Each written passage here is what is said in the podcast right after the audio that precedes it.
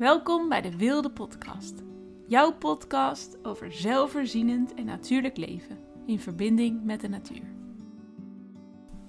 Vandaag een aflevering over Shaga, ook wel de koning van het woud genoemd.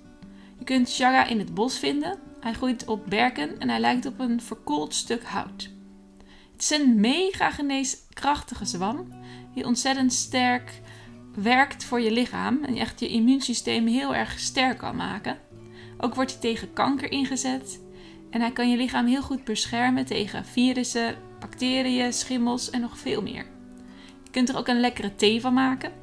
En in deze podcast-aflevering ehm, ja, ontdek je hoe je shaka kan herkennen, hoe je shaka heel duurzaam kunt oogsten, op welke manieren shaka geneeskrachtig is, waarom ze hem bijvoorbeeld het een geschenk van God noemen hoe je hem gebruikt in de keuken en nog veel meer. Veel plezier met luisteren. Vandaag een podcast over de berkenweerschijnzwam, en ook wel de shaga genoemd.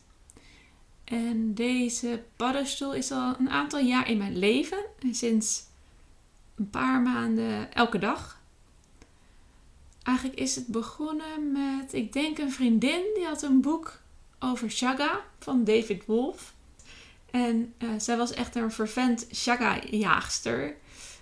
ze ging heel graag wandelen in het bos en dan ging ze altijd op zoek naar de Shaga. En zij heeft me eigenlijk fan gemaakt van deze zwam. En later ben ik het ook zelf gaan zoeken. Ehm, ook als ik met mijn vader ging wandelen. Of uh, ja, overal waar ik kwam, zag ik, zat ik eigenlijk de berkenweerschijn, berkenweerschijnzwam. Dus het is best een lastig woord te zoeken. Ik heb meegedaan met een primitief overleven cursus van bosbeweging. Dan ging je een week lang, tien dagen in het bos leven. En daar zaten ook rituelen bij. En de afsluitingsritueel was onder andere ook het drinken van de shaga thee. Dat is me ook wel echt bijgebleven. De shanga die groeit op een berkenboom. En mijn zoontje heet Birk. Dus ja, ik heb gewoon iets met deze zwam. En al een tijdje heb ik hem eigenlijk niet gedronken en ook niet gezocht. En laatst wandelde ik een keer in het bos en toen riep het bos, of wat, nou nee, het bos fluisterde naar mij: ga op zoek naar Shaga. Dat was een hele bijzondere gewaarwording. Ik hoorde dat echt heel duidelijk in mijn hoofd. En binnen een minuutje had ik de shaga gevonden. En sindsdien uh, drink ik het eigenlijk dagelijks. Ik had namelijk nog een potje. Al jaren geleden uh, oogst ik steeds een beetje. En dat potje heb ik eigenlijk nooit gebruikt met de shaga erin. Tot nu, tot een paar maanden uh, geleden. En nu maak ik elke dag thee ervan. En nu ben ik eigenlijk weer ontzettend fan van geworden. Ik heb ook een heel mooi boek van Medical Medium. En daar is ook een heel pleidooi voor de berkenweerschijns van. Maar ja, je zal wel denken, hmm, Marin, je vertelt nu van alles over de shaga. Maar ja, wat is dat eigenlijk voor zwam en waarom zou je dat willen oogsten? Nou, het wordt ook wel de koning van de paddenstoelen genoemd. Of, of het diamant van het bos. En in de Scandinavische en Russische culturen zien ze shaga echt als de koning van het woud. En waardoor dat komt, is omdat het echt ontzettend krachtig is voor je immuunsysteem. Ehm, en hij wordt zelfs ingezet bij anti-kankerdiëten. Dus het is echt een mega krachtige paddenstoel die je lichaam helpt uh, te beschermen tegen virussen, bacteriën, infecties, schimmels. Het is echt een krachtpatser. Maar daar zou ik zo meteen nog meer over vertellen. De naam Shaga komt van Tsiaga en dat komt uit het Russisch. In andere landen noemen ze hem ook wel pakuri, dat is Fins. Of uh, of zoiets. dat is Japans. Nou, ik denk niet dat ze het zo uitspreken. Geschenk van God wordt het ook wel genoemd. Dus als je de volksnamen hoort, dan hoor je eigenlijk al dat het echt uh, een bijzondere zwam is. En als je dit nu zo hoort, zou je wel denken: ja, hoe herken ik die dan maar in? Nou, in het begin vond ik dat ook wel lastig omdat hij kan ook wel een beetje op zo'n knoest lijken. Hij groeit eigenlijk bijna altijd op de berk. Maar hij kan ook groeien op een vlier, een es, een beuk, een iepe en heel soms zelfs een appelboom. Maar ja, ik zie hem eigenlijk alleen maar op de berk. En hij kan dus een beetje lijken op een knoest van een berk. Maar dat, dat is hem niet. Hij is donkerder van kleur. Lijkt een beetje op houtskool. eigenlijk een beetje verbrande, verbrand hout. En je herkent hem ook aan een beetje kurkachtige structuur. Hij is echt heel diep zwart van buiten. En een beetje goud-oranje geelkleurig van binnen. En die uh, knol of de zwam, dat is niet het vruchtlichaam. Maar het is een soort compacte massa aan myceliumdraden. Dus het voorstadium van de paddenstoel. En pas als de berk één of twee jaar dood is, dan gaat het hele, die, al die draden die gaan dan door de dode berk heen. En uiteindelijk komt daar dan het vruchtlichaam. En dan pas kan hij zich voortplanten.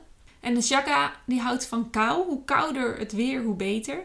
Hij leeft in harmonie met de, met de bomen waarop hij groeit. Dus als hij eenmaal op de boom zit, dan groeit hij heel erg langzaam, zodat hij de gastheer niet verstoort. Hij kan echt 25 jaar oud worden. En hij groeit uit wonden die zijn opgelopen na stormen of iets waardoor een tak is gebroken.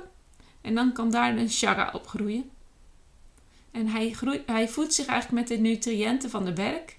En deze stoffen die concentreert hij. Ze zeggen wel eens dat hij heel zeldzaam is. Er wordt zelfs ergens gezegd van 1 op de 20.000 berken heeft een chaga op zich, uh, op zich groeien. Maar als je op de verspreidingsatlas, dat is een website, als je daarop kijkt, dan zie je dat eigenlijk de berkenweerschijnzwam algemeen is in Nederland. Hij komt niet in alle provincies voor, maar hij wordt toch best wel vaak gezien. En als ik een boswandeling maak, dan zie ik ook echt best wel vaak een chakra groeien. Soms wel heel erg hoog, dus dan kan ik hem niet oogsten. Maar je ziet hem toch echt best wel vaak. Chakra wordt eigenlijk al eeuwen gebruikt in uh, traditionele Siberische, Koreaanse, Chinese en Scandinavische kruidengeneeskunde. Zelfs bijna 3000 jaar voor Christus gebruikte Xiang Nung, uh, eigenlijk de vader van de Chinese geneeskunde, die uh, gebruikte hem al en die noemde het de koning van de kruiden. Ook een inheemse bevolking, de Kanti-bevolking in West-Siberië, rond de 12e eeuw gebruikte chaga al voor zijn geneeskracht. Ook de inheemse bevolking van Canada die heeft altijd chaga gebruikt.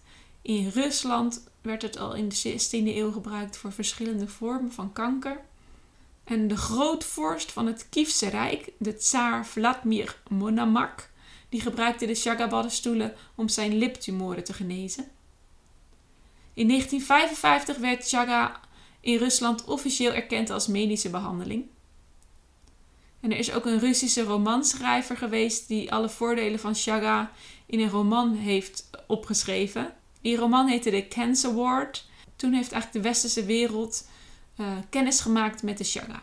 Wat zit er nou eigenlijk in waardoor die zo geneeskrachtig is? Nou, hij bevat bijvoorbeeld heel veel antioxidanten. Hij heeft een ORAC-waarde, zo worden antioxidanten gemeten, van 146.000. En blauwe bessen hebben bijvoorbeeld nog geen 5000. Dus het is echt een van de hoogste ORAC-waarden die er bestaat. Ik weet niet of dat echt zo is, maar hij heeft in ieder geval mega veel antioxidanten. Hij is ook een van de beste natuurlijke bronnen van SOD. En dit is eigenlijk een soort super antioxidant die onder andere je lever reinigt en je celmembraan beschermt. En chaga bevat 25 tot 50 keer meer SOD dan andere medicinale paddenstoelen.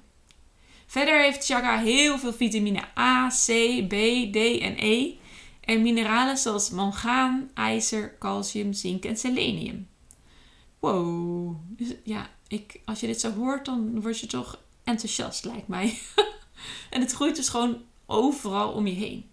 Voordat ik je ga vertellen hoe je nou chaga het beste kan oogsten en ook vooral duurzaam kan oogsten, vertel ik eerst nog even waarom het zo gaaf is om de chaga meer in je leven te verwelkomen.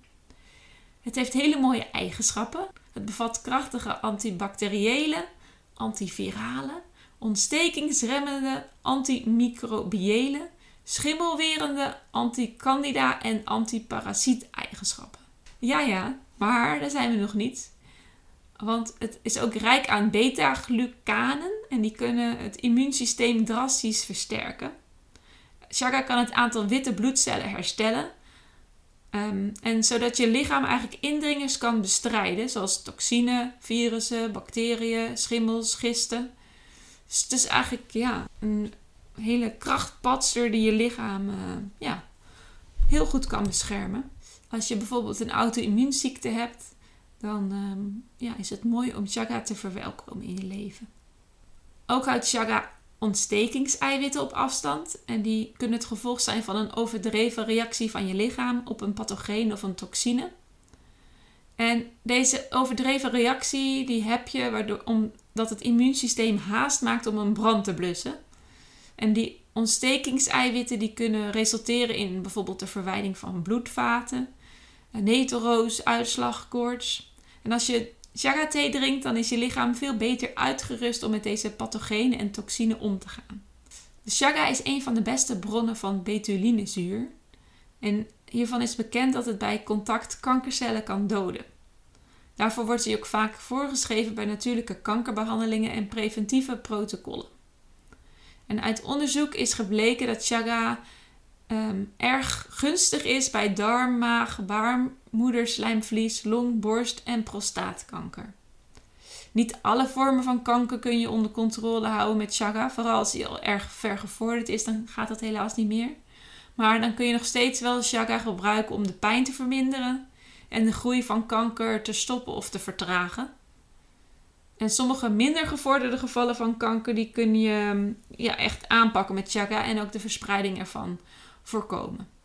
Een anti-kanker chaga dieet bevat elke dag 8 sterke koppen chaga thee. En dit kun je ook combineren met andere medicinale paddenstoelen zoals reishi, eikhaas of elfenbankjes. De lijst is echt nog wel een stukje langer, maar het is voornamelijk echt uh, super goed voor je immuunsysteem. Om je lichaam te beschermen tegen de pathogenen, de bacteriën, de virussen, de schimmels om je lichaam te helpen tegen de ontstekingseiwitten en om ehm, preventief, of als je al kanker hebt, om die aan te pakken. Het mooie is, chaga is veilig voor alle leeftijden. Nou, misschien niet als baby, maar dan krijg je het misschien door de borstvoeding. Uh, maar van 1 tot 100 plus jaar oud kun je het gebruiken. En ook voor alle levensfases. Dus ook tijdens de zwangerschap, borstvoeding, er zijn helemaal geen bijwerkingen gerapporteerd. Het stukje duurzaam oogsten vind ik heel erg belangrijk. Want ja, wild plukken is iets heel moois. Maar dan moet het wel duurzaam gebeuren. Want anders is het net zoals al het andere in de wereld. Wat echt op het ego gericht is. Dan is het alleen maar weer meer, meer, meer. Dus duurzaam oogsten is voor mij, voor de wilde school, heel belangrijk. En bij Shaga is dat ook mega belangrijk. Want een Shaga zwam die uh, bedekt de wond van de berk. En die beschermt deze tegen binnendringende micro-organismen. En ze kunnen tot 20 jaar uh, op levende berken groeien. En als je het op de juiste manier oogst, dan kun je tijdens de levensduur wel 3 tot 5 keer oogsten. Als je alle shaga uit de gasboom haalt, dan uh, gaat de boom waarschijnlijk dood aan een infectie of een ziekte. En daardoor kan hij dus niet opnieuw groeien en zal nooit de kans krijgen om vrucht te dragen en zich voor te planten. Want dat gebeurt dus pas als uiteindelijk de berk doodgaat en dat dan de berkenweerschijnzwam uh, vruchten gaat dragen en dan de sporen kan uh, verspreiden. En wat dus heel erg belangrijk is, is dat je bij het oogsten van de chaga altijd 2,5 tot 5 centimeter achterlaat, zodat de boom beschermd blijft en de chaga dus weer opnieuw kan groeien. Je kunt beter geen chaga oogsten van dode of omgevallen bomen. Dit staat bekend als zwarte of dode chaga en is waarschijnlijk besmet met mycotoxine. Um, er wordt ook heel veel commercieel geoogst, omdat er heel veel um, ja, medicijnen eigenlijk van gemaakt worden. Er worden aftreksels van gemaakt, er worden pillen van gemaakt, er worden, extracten. En de commerciële oogsters doen dit vaak met een zaag, een bijl, een mes. Maar voor mij voelt dit niet zo goed. Want ik wil er eigenlijk, ik wil er gewoon echt niet te veel van afhalen. Dus ik haal er vanaf wat ik er met mijn hand af kan krijgen. En soms nog bijvoorbeeld met een steen. Dat voelt voor mij als de meest natuurlijke manier. Eh, waardoor de boom en de zwam het minste lasten van hebben. En er nog heel veel overblijft. En eh, ik heb een heel mooi boekje over Jaga van David Wolf. Hij uh, zegt daarin dat metalen bijlen een schok voor elke boom zijn, omdat het ehm, de paramagnetische, het effect verstoort van het ijzer of het staal op het hout. En het duurt een paar jaar voordat een nieuwe chaga weer is gaan groeien op de plek waar je hebt geoogst. En dit gaat sneller als je het met de hand of met een steen hebt gedaan. De grootste concentratie aan de geneeskrachtige betuline die zit in de zwammel boven de anderhalve meter hoogte. Dus dan moet je even gaan klimmen in de bomen.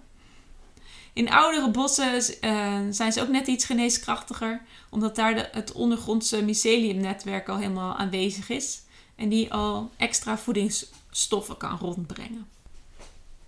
Eigenlijk kijk ik nu bij elke boswandeling die ik maak, speur ik naar de chaga. En ik hou wel echt van die speurtocht, want wildplukken vind ik super leuk. Maar die plantjes die groeien gewoon het hele jaar door op hetzelfde stukje. Dus daar zit niet echt. Er zit nog wel een beetje verrassing in als ik naar een nieuw gebied ga. Maar paddenstoelen en chaga, dat is toch ja, echt iets magisch. Ehm, dus ik speur altijd bij de bomen om me heen of ik ergens chaga kan vinden. En als je dat hebt gevonden en het een beetje hebt geoogst, dan kun je het drogen. Eigenlijk heb ik het altijd gewoon gedaan op kamertemperatuur in mijn kamer. Maar nu ik me er meer in heb verdiept, dan raden ze echt aan om het uh, in direct zonlicht neer te leggen. Voor meerdere dagen. Dat je het s'avonds weer even naar binnen legt. En overdag weer in de zon legt. Uh, en mocht het in de winter of in de herfst zijn, dan kun je het ook in je droge oven op 40 graden drogen. Het kan ook op een, in een normale oven op een lage temperatuur, onder de 90. En let er dan wel goed op dat je shaka niet verbrandt. Maar ik heb het dus gewoon in mijn kamer gedroogd. Ehm, want als het niet goed droogt, dan kan het zijn dat er een beetje schimmel in komt. Als ik nu kijk naar mijn shaka die ik heb gedroogd, ziet het er gewoon goed uit. Als er een soort wit laagje of een wit schimmeldraadje in komt, dan is het niet goed. Dus ja, je kunt het ook zelf uittesten, maar uh, je kunt het dus ook op deze manier drogen. En dan heb je het bewaren. Als je hebt soms hele grote stukken chaga, dan is het handig om hem even in een theedoek te doen en er met een hamer op te slaan, zodat je kleinere stukjes hebt. En dit kun je bewaren in uh, glazen luchtdichte potjes, bijvoorbeeld in een wekpot. Zelf heb ik Miron Violet potten. Uh, dat is bijna een soort diepe paarse potten. En daar blijven alle geneeskrachtige stoffen veel beter in bewaard. Als het niet heel vochtig is in je huis, dan kun je ook een berkendoosje maken. Dat deden ze vroeger altijd in Rusland. En daar ze daarin bewaren. Dat is natuurlijk wel het mooiste. Dan heb je ook nog de energie van de berk waar die in bewaard blijft. Het allerbelangrijkste, het gebruik. Um, het beste kun je chaga gebruiken als een soort fijn poeder.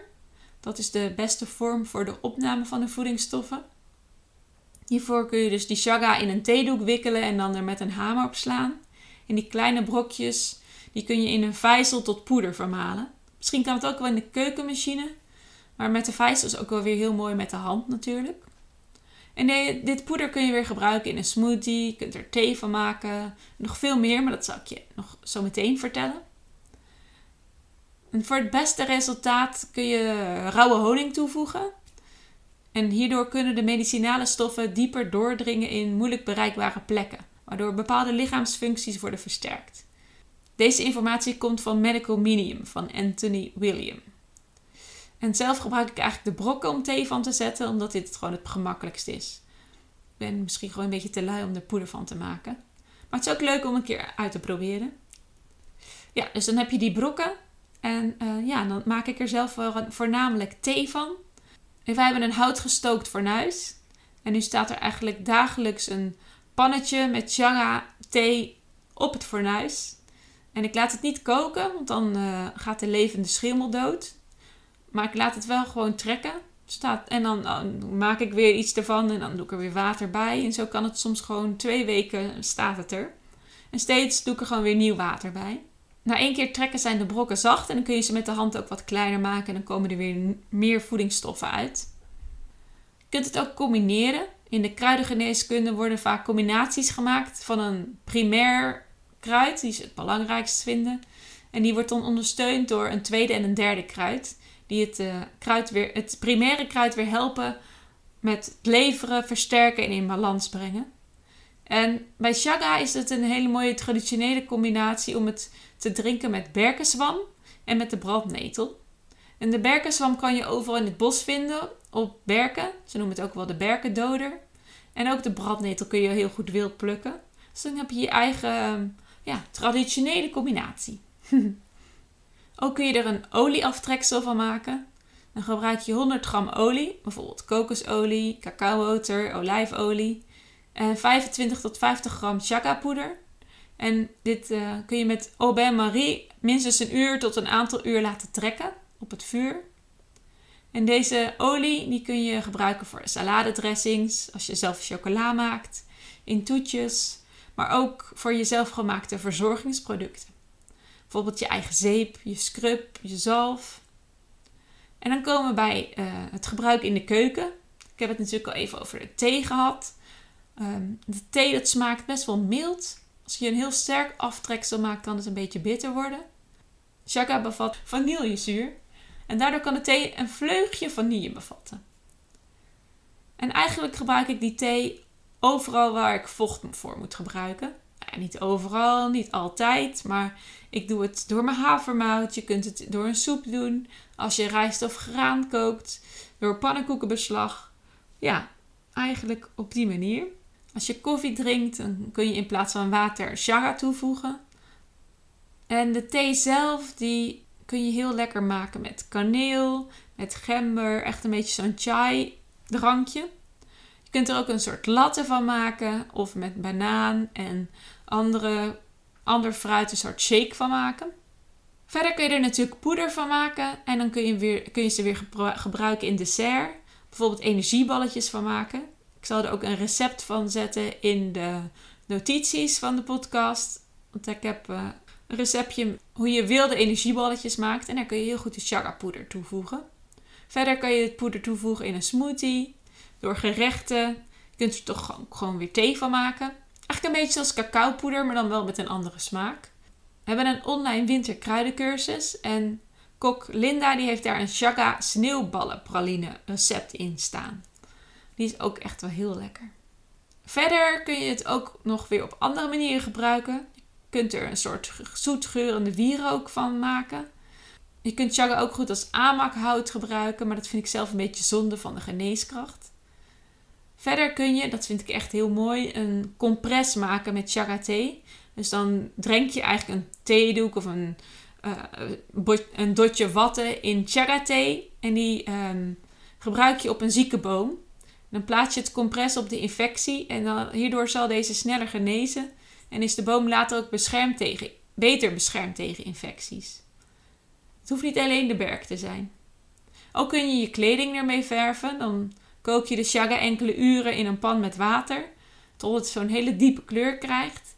En dan laat je het een beetje afkoelen, dat je je handen er niet meer aan verbrandt. En dan laat je je kleding voor 24 tot 36 uur weken. Je kunt het ook gebruiken, vroeger werd het gebruikt als moxa-behandeling, om de energiemeridianen van het lichaam te stimuleren. Dit wordt nu bijvoorbeeld met bijvoed gedaan, maar dat kan ook met de chaga. Nou, dit was eigenlijk mijn pleidooi voor de chaga. Je kunt de chaga dus zelf heel goed wild plukken, maar onthoud dus heel goed dat je genoeg chaga aan de boom moet laten. En dat het heel lang duurt voor de chaga groeit. Dus oogst vooral met eerbied en respect. En niet te veel. Dat je gewoon, ja, zelf gebruik ik het in de winter om mijn lichaam, mijn immuunsysteem echt sterk te houden. Maar in de zomer, in de lente, daar heb ik gewoon weer andere planten. Dus je hoeft het ook niet het hele jaar door te oogsten en ook niet het hele jaar door te gebruiken. Je moet eigenlijk een beetje je eigen band met de chaga gaan ontwikkelen. Waar vind je het lekker in? Hoe wil je het gebruiken? En vooral dat respect ervoor, dat vind ik heel belangrijk. Er zijn als je het toch wel spannend vindt om chaga te oogsten, maar je wil wel heel graag die geneeskracht, dan zijn er best wel veel supplementen op de markt of chaga poeders. Ehm, je kunt me altijd een berichtje sturen, dan kan ik er eentje doorsturen waarvan ik zelf weet dat het duurzaam geoogst is.